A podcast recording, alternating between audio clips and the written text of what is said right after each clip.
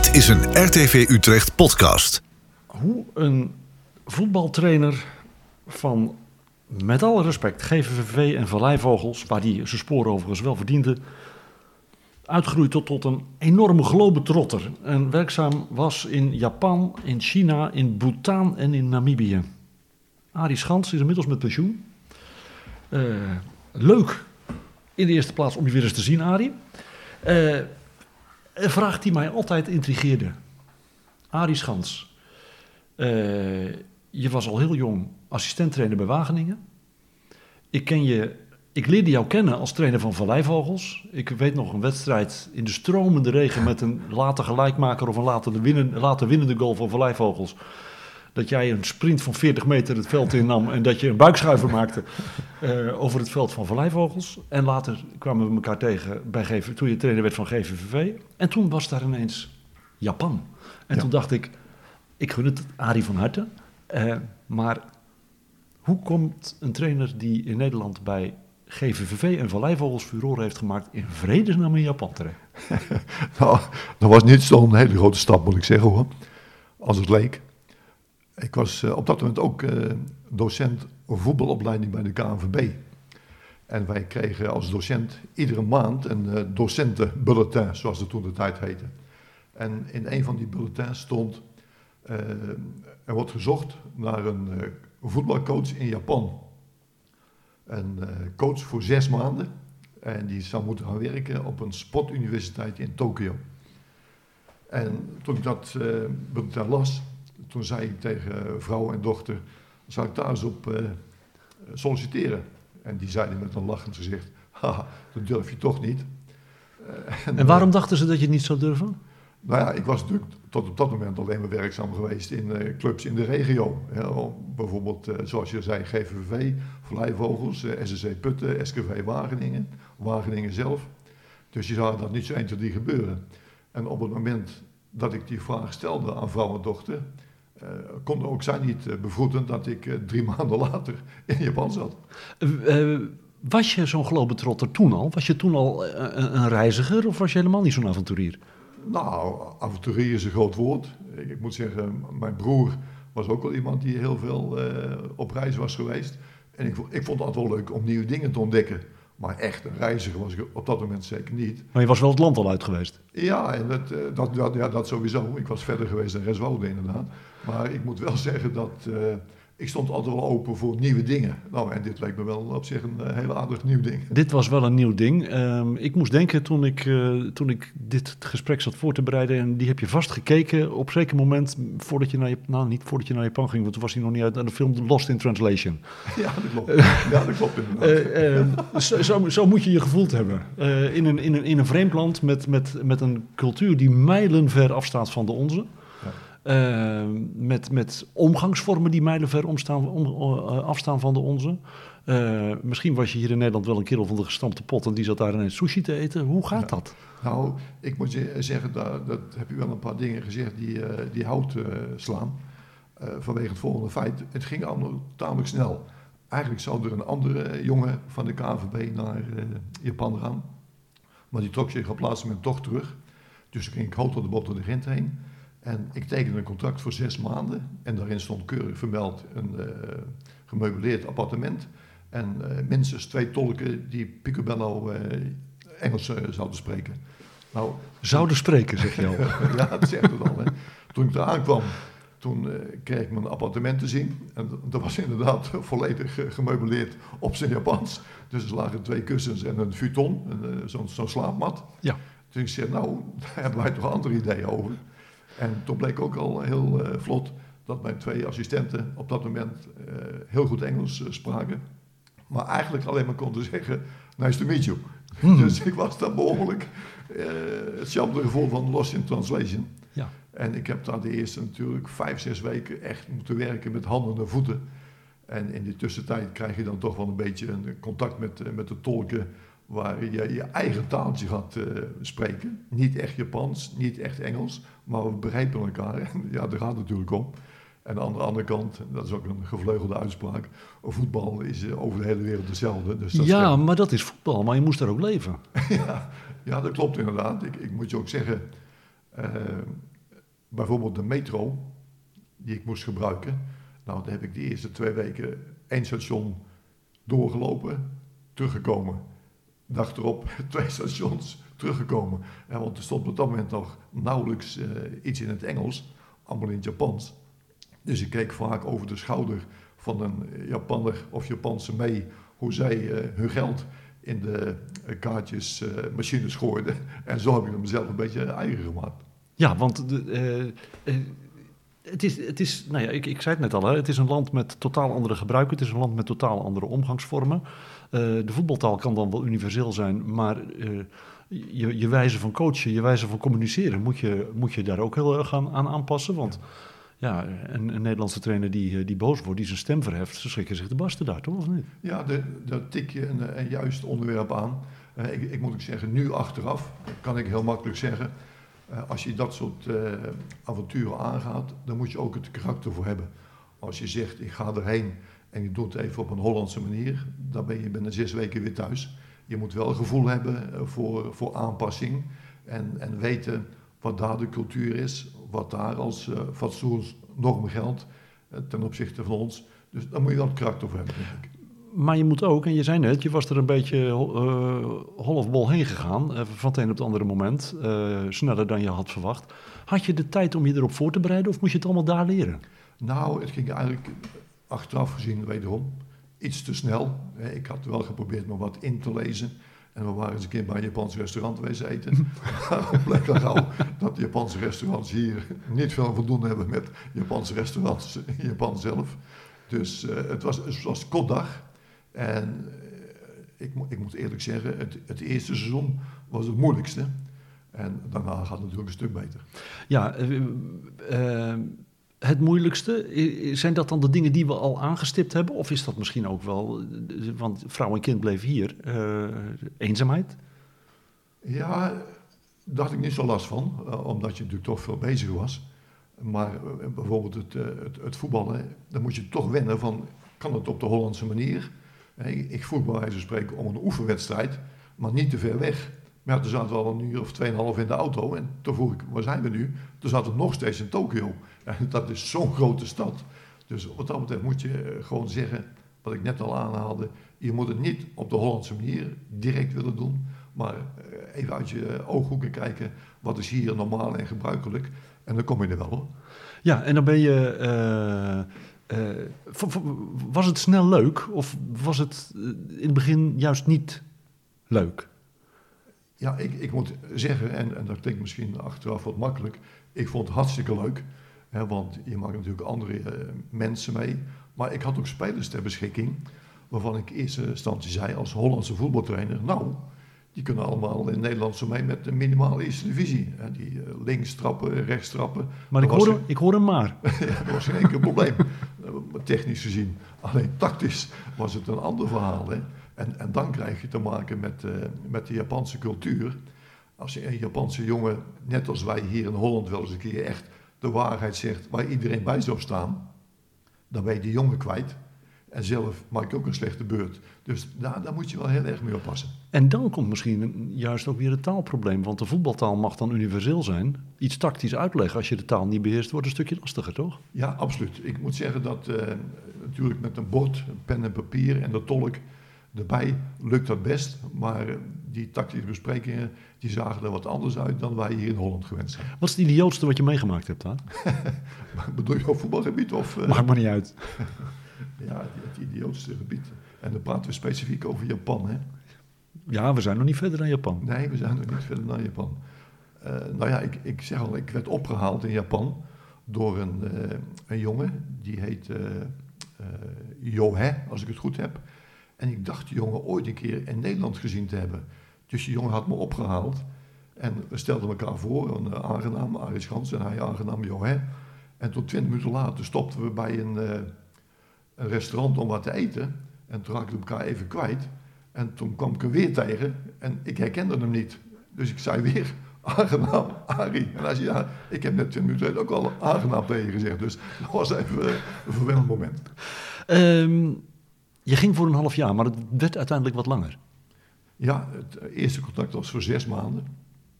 En na zes maanden moet ik eerlijk gezegd zeggen dat het mij picobello beviel. En ik hoopte natuurlijk de tegenpartij ook. Maar toen het eh, moment van teruggaan naar Nederland eh, al bijna daar was, had ik nog steeds niks gehoord over een eh, nieuw of een te verlengen contract. En toen werd ik de dag voordat ik terug zou gaan naar Japan uitgenodigd voor een etentje.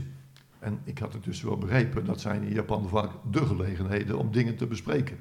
Dus wij gingen naar een Japans restaurant en dat was hartstikke gezellig, eh, goed eten en eh, veel flauwekul. Maar toen werd ik thuisgebracht en ik had nog steeds niks gehoord. En ik stapte bij mijn appartement uit en ik zei eh, tegen de mensen waar ik mee van doen had gehad, nou, het allerbeste en je weet wat er van gaat komen. En ik liep al tien meter weg en toen ging het raampje van de auto open en toen zei de president, eh, of liever gezegd de voorzitter van de eh, bond, oh ja Arie, nog vergeten, volgend jaar 10 maanden contract. 10% meer geld, alles geregeld. Dus dank u, tot ziens.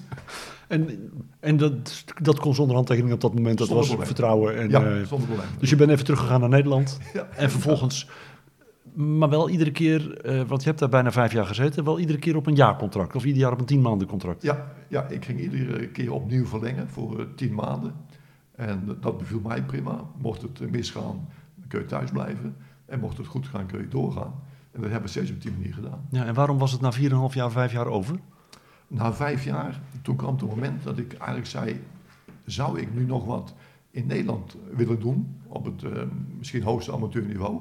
dan moet ik toch wel een keertje terug. Want anders zeggen ze straks... eh, hoe heet, hoe heet die gozer ook weer? Ja, En toen ben ik om die reden eigenlijk teruggegaan. Ja, en toen heb je in Nederland nog een tijdje gezeten? Ja, toen ben ik inderdaad teruggegaan bij GVVV. Ja, Ik, ik geloof eh, voor anderhalf of tweeënhalf seizoen.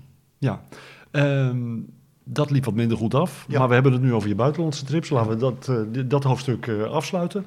Ehm, en toen was daar ineens... Dat, eigenlijk vind ik dat nog altijd de mooiste. hè. Zo die hele rij, die hele trits van jou doornemen.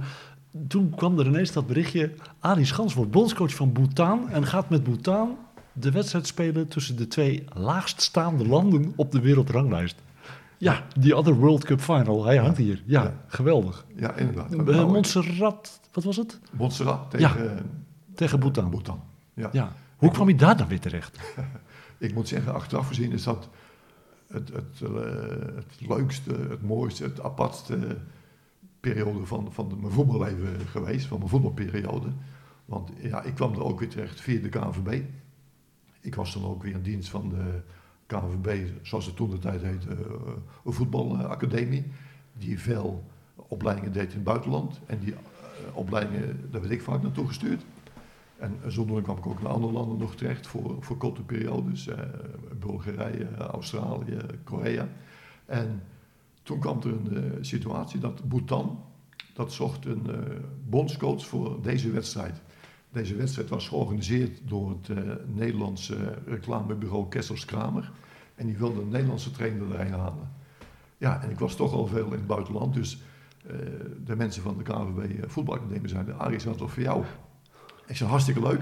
Ik zei, maar je moet me wel even vertellen waar het precies ligt. Ja. Op dat moment wist ik het echt niet. Nee, dat het was Bhutan een, het was een hoogtestage. ja, het is inderdaad een eh, koninkrijk in het Himalaya-gebied. En eh, ja, daar heb ik een fantastische tijd eh, gehad. En eh, daar kijk ik met heel, heel, heel, heel veel plezier. Maar je, je hebt daar één wedstrijd gedaan. Hoe lang heb je er gezeten? Ja, niet helemaal één wedstrijd hoor. Die wedstrijd, daar ging het eigenlijk om. En ik was voor die wedstrijd ingehuurd voor zes weken. En eh, toen kwam ik daar dus aan in Bhutan. Ja, eh, ik had er van tevoren gezien, het is een, een Himalaya-staat. Staat. Nou, dat bleek volledig te kloppen, want met het vliegtuig aankomen was dan een beetje laveren tussen de bergen door. Ja, je, hoefde, je hoefde niet te dalen, je hoefde hele, alleen maar te landen. eh, hele aparte ervaring. En ook de, de, de trainingsvelden. Als je daar een keer een bal eh, buiten de lijnen schoot, dan duurde het toch een gauw minuut of tien voordat hij terug was. Want je moest er behoorlijk eindje naar beneden klauteren. Dat was eh, echt fantastisch. Maar ja, die wedstrijd, daar ging het om. Dat was een eenmalige wedstrijd tegen Montserrat. En het grappige daar was, voordat die wedstrijd gespeeld werd, wisten kinderen uit Bhutan absoluut niet waar Montserrat lag. En andersom natuurlijk precies zo. En dat was achteraf gezien ook, denk ik, het hoofdidee van eh, het bureau Kessels Kramer om, om meer bekendheid te geven aan de onderlinge landen. En dat is ook super geslaagd. Eh, het leukste ervan was na die wedstrijd die Bhutan met 4-0 won. Hè, wat, wat helemaal niet van belang was hoor. Maar je bent ongeslagen als bondscoach van Bhutan. Dat bedoel ik. En de cup die toen uitgereikt werd, die werd ook keurig doormidden gesneden. Allebei kregen de helft. Dus ja, dat was een unieke ervaring op uh, voetbalgebied, maar ook op menselijk gebied. Ja, wat, wat was er zo leuk aan Bhutan? Want je, je, je zegt, je, je praat ervan, je, je straalt ervan als je erover praat. Ja. Uh, waarom was Bhutan zo mooi en zo leuk? Nou, ten eerste is uh, Bhutan een fantastisch land wat, wat mensen betreft. Los van de natuur, dat is uniek. Daar, daar, moet iedereen eigenlijk een keertje proberen heen te gaan. Maar de mensen, er zijn daar heel veel boeddhisten, zijn zo ongelooflijk aardig en hebben alles voor je over. Zelfs al hebben ze niks, willen ze niks nog met je delen. Dus de mensen, dat vond ik fantastisch. Maar ook de voetballers, die waren zo dankbaar. Voor mij was er schijnbaar een Koreaanse coach geweest, die alles gooide op uh, conditie. Dus ze moesten daar die bergen op en af. Ja, en wij Hollanders, wij kwamen natuurlijk met onze uh, kleine partijspelletjes, uh, positie spelen. Nou, die jongens die leefden helemaal op. En jij zegt ik straal nu, maar die jongens zeg ik ook stralen. Dus ja, dat vond ik echt zo mooi om te zien. En, en um, hoe lang ben je er nou, wat je zegt, ik was voor zes weken ingehuurd voor die wedstrijd. Ben je er zes weken geweest of langer? Nee, ik ben er voor die, zes, voor die wedstrijd zes weken geweest. Maar ook daar gold, het uh, beviel van beide kanten zo goed. Dat ze mij vroegen ook met het uh, team van onder 20 uh, te blijven. Want die hadden een toernooi in India en een toernooi in Saudi-Arabië. Daar ben ik met ze geweest. Ja, dat waren fantastische uh, uh, ervaringen die ik uh, nou, nu achteraf gezien voor geen goud, maar ook voor geen goud had willen missen. En, en um, um, ja, dit staat helemaal los van, van, van je reisverhalen en van, van, van, van alle prachtige dingen die je meegemaakt hebt. Maar um, die nationale ploeg van Bhutan, uh, je, kwam uit, uh, je kwam uit de hoofdklasse bij GVVV. Ja. Als je die nationale ploeg in de hoofdklasse mee had laten draaien, wat was Ja. ervan, wat was ervan geworden? Eh, er hadden twee spelers in het eerste van GVV eh, mee kunnen spelen. En het elftal was misschien eh, half middenmoot, onderkantje middenmoot geëindigd. Ja, dat toch wel. Ja, Dat toch wel. Ja. En uit Japan eh, zijn er nog wel eens mensen meegekomen naar Nederland. Eén daarvan is zelfs je schoonzoon geworden. Uit Bhutan zijn er geen mensen die hier een, eh, een voetbalavontuur hebben geprobeerd? nee, die hebben dat zeker niet geprobeerd, omdat die eh, op dat moment nog niet zoveel waren om daaraan te denken. En ik denk dat het ook wat moeilijker lag met, met visums en dat soort toestanden om dat te kunnen realiseren. Maar die mensen zijn zo aan hun eigen land gebonden. eh, dat geloof ik niet dat dat die mensen aan zou spreken. En wat je zegt hè, over, over die mensen in Bhutan, die, die, die, die, die, die boeddhisten, die mensen die ehm, nou ja, niks nog met je willen delen. Ik heb zelf een korte periode in India eh, doorgebracht. Ja. Eh, daar heb ik eigenlijk hetzelfde meegemaakt. Ja. Eh, ook de armste van de armen, Ja. die, die, willen, die willen nog alles met je delen, ook, ook, ook al hebben ze niks. Ehm, de, de, de, de, de levensinstellingen, verschil tussen, tussen een, een, tussen een Bhutaner, Bhutanier en een, en een Japanner. Is dat een veel meer individualistische samenleving? Eh, Japan? ja, dat, dat sowieso. hè. Japan is natuurlijk altijd fantastisch georganiseerd. Als je me vraagt, waar kun je als Nederlander het beste trainen? Dan zeg ik Japan. Maar in Bhutan, bij wijze van spreken, was heel leuk. We hadden een toernooi in Saoedi-Arabië. En dan werden we ondergebracht in het Radisson Sas Hotel. Nou, dat is een vijfsterren hotel. En dat was voor de jongens een nieuwe wereld natuurlijk. En daar zijn we drie weken geweest, als ik het uit mijn hoofd goed zeg. En toen we weggingen, toen zaten ze in de bus te zingen. We gaan weer terug naar Bhutan. Terwijl zij in Bhutan terugkwamen en daar in de omstandigheden leefden. Ja, die waren niet te vergelijken met de Radisson Sas Hotel. Want in Bhutan eh, zijn er bij wijze van spreken eh, dorpjes. Dan moet je vanaf de bushalte twee tot drie dagen lopen om überhaupt in het dorpje te komen. Maar ze vonden dat zo mooi dat ze weer terug naar hun land konden. Van terug naar hun eigen koning, terug naar de frisse lucht, terug naar hun familie. Ja, dat deed ze veel meer dan alle luxe die wij daar in Saudi-Arabië eh, toegeworpen kregen. Ehm, dan komt er een klein tussenstapje. Eh, wat uiteindelijk, eh, nou nee, eigenlijk niet. Dan komt de volgende stap. En dat is de stap naar China. En vanuit China heb je nog een tussenstapje gemaakt. Dan kom je in China terecht. Was jouw faam in Azië inmiddels door Japan en Bhutan zo groot geworden dat de Chinese bond zei van, goh Schans, kom maar deze kant op? Of was het toch weer de KNVB-coach Arie Schans, die zoveel ervaring had in het buitenland, dat de bond zei van, eh, joh Arie, we hebben er nog eentje voor je. Ja, dat laatste is het geval. Eh, de Chinese bond had gevraagd om een eh, Nederlandse trainerscursus. En ze kwamen bij mij terecht. En ik heb dat ook weer met veel plezier gedaan.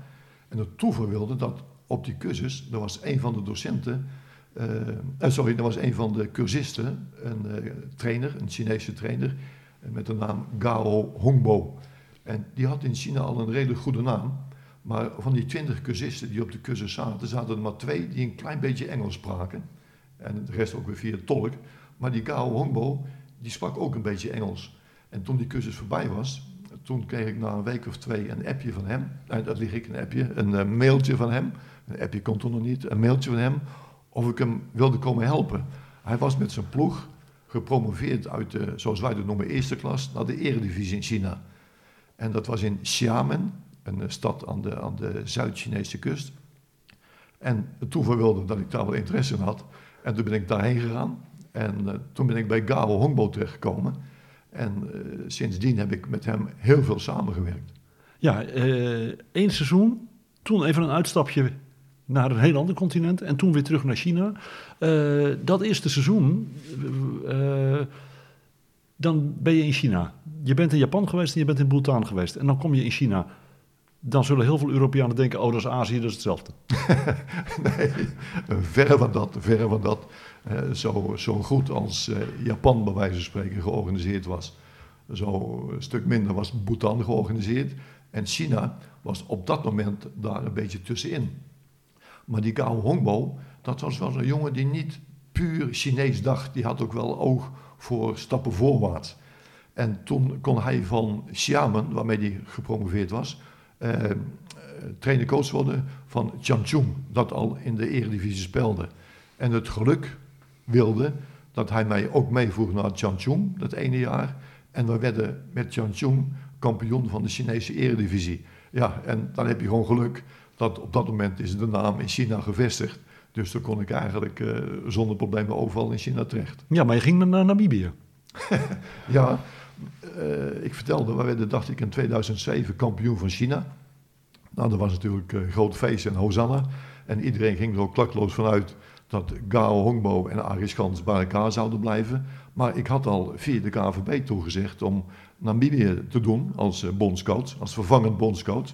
Om mee te kunnen spelen in de Afrika Cup. Ja, want de bondscoach van Namibië was overleden, hè? Ja. En uh, vrij plotseling. En ja. zij hadden zich voor het eerst in het bestaan geplaatst voor de Afrika Cup. Correct. En ja, iemand die met Bhutan ongeslagen is.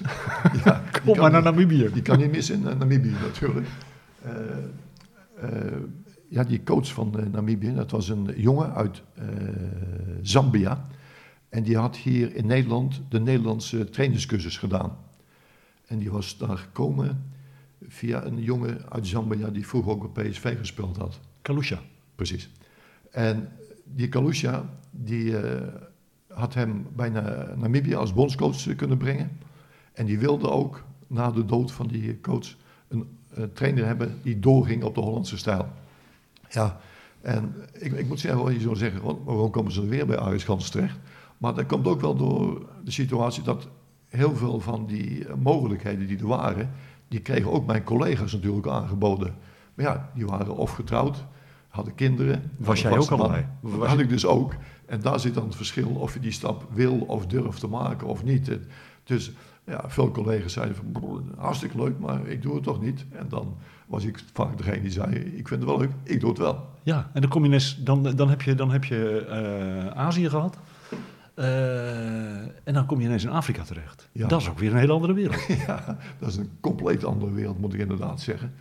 Uh, binnen je opsomming net van landen waar ik uh, gewerkt heb, was je nog even Mozambique vergeten. En Mozambique had ik er tussendoor ook nog gedaan. Dus ik kende een beetje Afrika vanwege Mozambique. En maar Mozambique was ik trainer geweest van het Olympisch team. Om een toernooi te spelen in Macao, een Zuid-Chinees eiland. En ik wist een beetje hoe het in Afrika toeging. En ik had daar al geleerd in Mozambique ja, dat ja niet altijd ja is en nee niet altijd nee. En zo was een situatie uh, in Mozambique, waar ik eerst een cursus gaf voor de KNVB, dat we moesten ballen hebben. En ik bestelde bij de KNVB 50 ballen, om mee te kunnen eh, spelen en trainen natuurlijk. Nou ja, tot het eind van de rit kreeg ik er 25 geleverd. 25 waren onderweg verdwenen. Of aan uh, douaniers die uh, Ja, ja, ja. een zoontje hadden die een bal moesten. Of de uh, afleverancier die een paar ballen nodig had. Dus ja, ik wist al een beetje dat daar eh, wat, eh, Dat je meer moest bestellen dan je nodig had. dat ik andere regels had dan ik gewend was. En Namibië was het eigenlijk hetzelfde. En eh, ik moet zeggen, als je daar een klein beetje dus van tevoren weet wat er op je afkomt, en zeker omdat het met Namibië maar een korte periode zou zijn vanwege de Afrika Cup, eh, had ik daar niet zoveel last van. Nee, eh, iedere keer weer aanpassen aan een andere cultuur. Is dat, eh, als die culturen zo verschillend zijn, gaat je dat makkelijker af omdat je al geleerd hebt om je aan te passen? Of is het ook wel eens moeilijk omdat die culturen zo enorm verschillen? Ja, ik zei straks al, hè, achteraf gezien is het makkelijk praten als je zegt, je moet er ook het karakter voor hebben. Je moet er ook open voor staan. En ik denk, en dat is een beetje opschepperig, je moet er ook zelf wel het gevoel voor hebben. En ik, ik denk te mogen zeggen dat me dat tamelijk makkelijk afging. En ik zal één ding nooit vergeten, waarom ik dat zo durf te zeggen. Ik was in China en toen was ik bij een Chinese coach en die, die, die leidde mij rond. En die stelde mij voor aan de president van de Chinese voetbalbond. En die zei toen, eh, president, dit is Arie Schans, een coach uit Holland. En dat is de eerste buitenlandse coach die niet op ons neerkijkt. En dat gevoel moet je hebben. En als je dat niet hebt, dan kom je eerder in problemen dan in de goede omstandigheden. Ja, want anders ben je die arrogante Hollander. Precies. En daar ben jij nooit geweest. Ik hoop het niet. Nee. Ik denk het niet. Ehm, eh, Namibië gaat voor het eerst in de geschiedenis naar, het, naar de Afrika Cup. En volgens mij was het ook meteen de laatste keer. Hebben ze zich na jouw eh, periode er ook niet meer voor geplaatst. Ik denk dat het klopt. Eh, die plaatsing was over, die, die hoeven we over- overigens niet op jouw konto te schrijven, want die was al gerealiseerd door die, door die bondscoach die overleed. Ja, ben Bamfushila. Ja. Wat, was dat, wat was dat voor een periode? Eh, ik ben een keer bij je geweest. Toen trainde je met de Namibische ploeg in de buurt van Dortmund. Ja. IJzig, ijzig koud. Was daar koud. en dat was jouw eerste kennismaking met die ploeg twee weken voor de Afrika Cup. Ja, Dat is ook kort dag. ja want vanwege het overlijden van Ben kwam daar plotseling dat probleem. En zover mij bekend had eh, die Ben al een trainingskamp belegd in, eh, in Duitsland. Een beetje eh, apart, omdat het net in die periode in Duitsland winter was. Natuurlijk Ja. hartstikke koud. Ik kreeg dan al snel door dat het te maken had met eh, sponsorvormen van of Adidas of Puma. Dat weet ik niet helemaal 100% zeker. En toen zei ze, nou, je woont redelijk dicht bij Dortmund. Laten we elkaar daar maar eh, voor het eerst eh, leren kennen. En zodoende ben ik daar naar Dortmund gereden. Niemand kende me natuurlijk. En ik had het adres en de naam van het hotel opgekregen. En daar heb ik voor het eerst eh, de elftal manager leren kennen. Ja, In het hotel. in het hotel. Eh, twee weken voor de, voor, voor de Afrika Cup. Uiteindelijk is je verblijf ook in Namibië, want je blijft overal langer dan gepland. Ook in Namibië is, is langer geweest dan alleen die voorbereiding voor de Afrika Cup, de Afrika Cup. Want toen was je klaar, maar ook nog weer niet helemaal. Nee, eh, vanwege hetzelfde probleem, als je dat zo moet zeggen, tussen aanhalingstekens. Ik kon altijd heel behoorlijk opschieten met de spelers. En voor spelers was het natuurlijk best wel een verademing om een keer met een Hollander te maken te krijgen. Want de meeste mensen daar, die deden toch een beetje op de, de ik dat zeggen, militaristische manier. En als Hollander zeg je toch, jongens, eh, zus en zo. En we proberen het op die manier te voetballen, op die manier op te lossen. En ja, dat was natuurlijk voor de spelers best wel aangenaam om dat een keertje mee te maken. Met als gevolg dat dan vaak door de spelers na de elftalleider gezegd werd: joh, probeer die vent hier te houden. En die elftalleider ging dan weer met de bond praten. En zodoende kwam er steeds tot de verlenging. Maar je werd geen bondscoach. Ik ben daar nog een jaar bondscoach gebleven. Ja? Jazeker, jazeker. Ja. En, en Alleen eh, voor het eerste elft, eh, voor het eh, nationale team was er op dat moment niet zo heel veel wedstrijden. Er was nog een kwalificatie, dacht ik, voor een, eh, een regio-toernooi. Maar er waren maar weinig wedstrijden. Maar het team onder 20, dat had ook weer een toernooi, dacht ik, in Zuid-Afrika. En dat kwam wat mij betreft prima uit. Dus zodoende kwam ik daar ook terecht. wat is het, eh, het, het grootste verschil geweest tussen Azië en Afrika voor jou? Oeh, dat is best een eh, lastige vraag.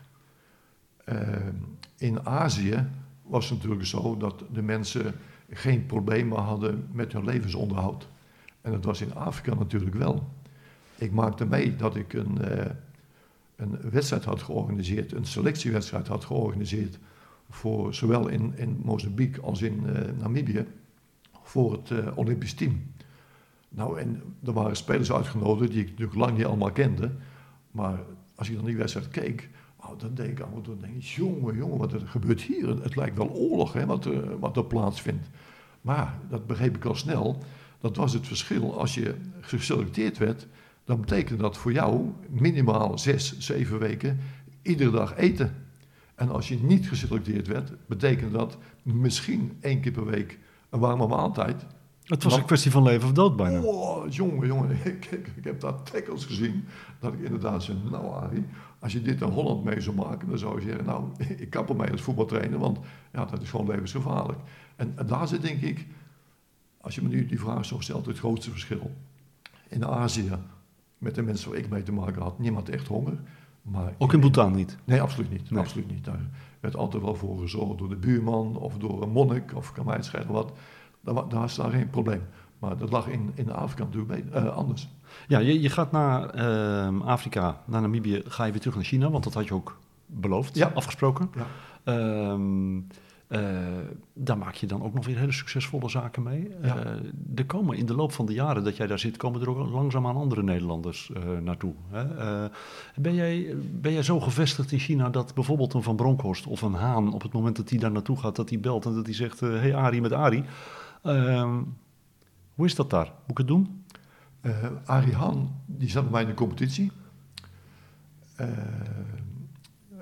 Weet je nou, Henk, Henk. Die ook nog coach van Nederlands elftal. Henk. Ten Kate. Henk ten Kate, Kate, sorry. ja. Henk ten Kate, die was er ook toen ik daar was. En dat zal ik ook nooit vergeten.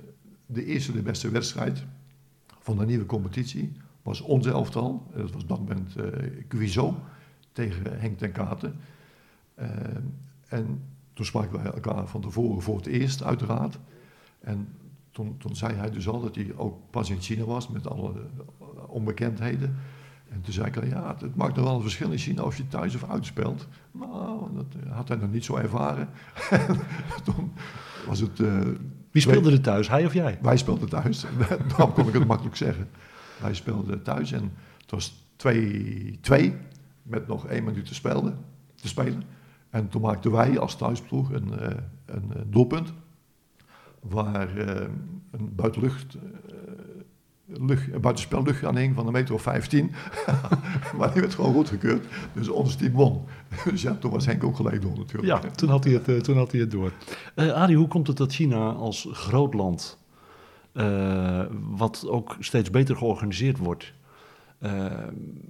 ik heb die, die, die serie gezien bij, bij de VPRO over, eh, over China. Ja, ik ook. Die, die twee series, waar je voetbalcomplexen ziet die bijna zo groot zijn als de stad Venendaal, laat ik Ja, maar zeggen. ja. Met allemaal voetbalvelden bij elkaar. Ja. En China is één keer op een WK geweest, dat werd een gigantische afgang. En verder stelde het Chinese voetbal internationaal geen ene hol voor. Hoe kan dat? Ik, ik denk dat er twee hoofdredenen voor zijn. De eerste reden is, en dat was mijn eerste ervaring toen ik in China kwam. Ook toen maakte ik een keurig voorbereidingsschemaatje. Maar op dat moment was in China geen amateurvoetbal, geen jeugdvoetbal, geen universiteitenvoetbal, geen amateurvoetbal. Er was kortom geen voetbalinfrastructuur, zoals wij die kennen. er was niets. Er was, Er was alleen een eredivisie. een eerste elftal. En er was hoogstwaarschijnlijk al een eerste divisie. Maar er werden gewoon de betere jeugdspelers, die werden van school afgepikt. Die werden bij de jeugd gezet. En de spelers die al eh, een contract hadden, ja, daar ging het om. Dus dat is één. Er was geen voetbalinfrastructuur. En punt twee, en jammer genoeg geldt dat nu, eh, jaren later, nog steeds een beetje. Als je de huidige topscorerslijst van China neerlegt, dan zijn er van de top 10 acht spelers uit het buitenland. Ja. En ja, die buitenlanders mogen natuurlijk niet in het eh, nationale team spelen. Jammer genoeg, jammer genoeg, eh, hebben die Chinezen nu bedacht dat er buitenlanders, hoe noem je dat, geneutraliseerd kunnen worden. Hè? Genaturaliseerd, ja. Genaturaliseerd kunnen worden. En dan krijgen we Ja. straks een, een, nationale ploeg van China met TVS en, eh, en al er die zijn- andere er zijn- Europeanen die er daar zijn nu al spelen. een paar jongens die, eh, die eh, Braziliaanse afkomst hebben, die nationaal Met een Chinees spelen. paspoort. En dat is natuurlijk misschien voor het nationale team een, een, klein stapje voorwaarts, maar niet echt zoals Niet voor, het, niet voor het Chinese voetbal. Waarom ben je gestopt? Eh, ik was... Want je had het allemaal zo naar je zin. Want dat is wel, ik hoor, je- ik hoor jouw verhalen vertellen. Oh, Japan, Bhutan, Mozambique, Namibië, China. Ja. En, en eh, je bent er al vier jaar weg en je praat erover en je zit echt te glunderen tegenover me. Mensen Ja. kunnen dat niet zien, want het is een podcast, maar je zit echt te glunderen. Ja, nou, ik, ik moet ook zeggen, als ik het zo weer voor mijn ogen zie, dan krijg ik weer plezier. Maar eh, ik was het laatste jaar in dienst van Jiangsu, een, een club met een steenrijke sponsor. En dat is ook wel best goed. En de voetbalseizoenen lopen in China altijd van februari tot en met eh, november. En in november was mijn contract afgelopen en ik had de mogelijkheid om weer terug te komen met een nieuw contract. Maar toen kwam ik thuis en toen heb ik tegen mijn vrouw gezegd, ja, ik stop er nu mee. En de hoofdreden daarvan was eigenlijk wel dat ik mijn kleinkinderen mee wilde zien. En want naarmate je ouder wordt, zeg je dan toch wel, hé, hey, ik heb nu eh, drie kleinkinderen. De eerste twee heb ik op zien groeien via Skype en is een weekje skivakantie. En die derde, die wilde ik graag echt eh, zelf meezien. Die is intussen zes, dus die heb ik de laatste vier jaar eh, dagelijks meegemaakt. En ook daar heb ik hartstikke veel plezier van. Ik vind het leuk, ik kijk rond in jouw huis. We zitten in jouw huiskamer in Utrecht, want je bent een geboren Venendaler, eh, maar je woont sinds een aantal jaar in Utrecht. Ik vind het ook zo leuk dat, dat als ik naar het meubilair kijk, ik kijk naar een boekenkast met, met reisboeken over China, met reisboeken over, over, over andere landen waar je geweest bent. Ja. Er staat meubilair dat duidelijk een Afrikaanse achtergrond heeft. Er, Ja. staat, er hangen kunstwerken die duidelijk een Aziatische achtergrond hebben. Het is een wereldhuis. Ja, dat vinden wij ook. We wonen hier prima. Maar ik moet zeggen, een gedeelte van dat eh, spul is allemaal, eh, eh, zijn cadeautjes geweest die we gekregen hebben bij, bij het afscheid. En het meest trots ben ik op een paar laarzen uit Bhutan die daar staan. Dat Ja, zijn- ik heb ze zien staan in de gang, ja. Die worden altijd gedragen bij plechtigheden. Maar jij draagt ze niet. Nee, ik draag ze niet, omdat ze qua maat niet helemaal passen. Maar daar ben ik het meest trots op. Maar ik vind het wel leuk dat ik, ik, ja, ik mag wel zeggen, eigenlijk bij iedere afscheid dingen gekregen heb van het land waar ik gewerkt heb. En dat, eh, dat vind ik hartstikke leuk. Arie, je mag komende zomer op vakantie. Het kan weer. Met corona eh is allemaal over. Jij mag het vliegtuig pakken. Ja, Naar welk land ga je terug? eh, Bhutan. Dan ga ik naar Bhutan. Dat is toch een land waarvan ik zeg, ja, daar heb ik, omdat ik dan natuurlijk heel veel met voetbal bezig ben geweest. En daar moet je toch wel een beetje op, eh, op focussen. En dat, dat, ik moet wel zeggen hoor, nu ik dat vertel, achteraf gezien zou ik zeggen, nou, je zou misschien op het moment dat je daar werkzaam bent, best wat losser kunnen zijn, zodat je meer kunt genieten van allerlei andere dingen. Dat heb ik ook wel geprobeerd te doen hoor, daar gaat niet om. Maar ja, je bent toch een beetje gefocust op het voetbal, omdat Ja. je bent uitgezonden door de KNVB, dus je wilt daar toch een uitstekende indruk maken. Eh, ik zou graag terug gaan naar Bhutan, omdat daar eh, ten eerste het, land fantastisch is. Je hebt eh Himalaya-bergen die tot in de hemel reiken. En je hebt andere landschappen met meest eh, exotische dieren die niemand ooit van zijn leven gezien heeft. En de mensheid is daar zo aardig, daar zou ik met plezier weer naartoe willen.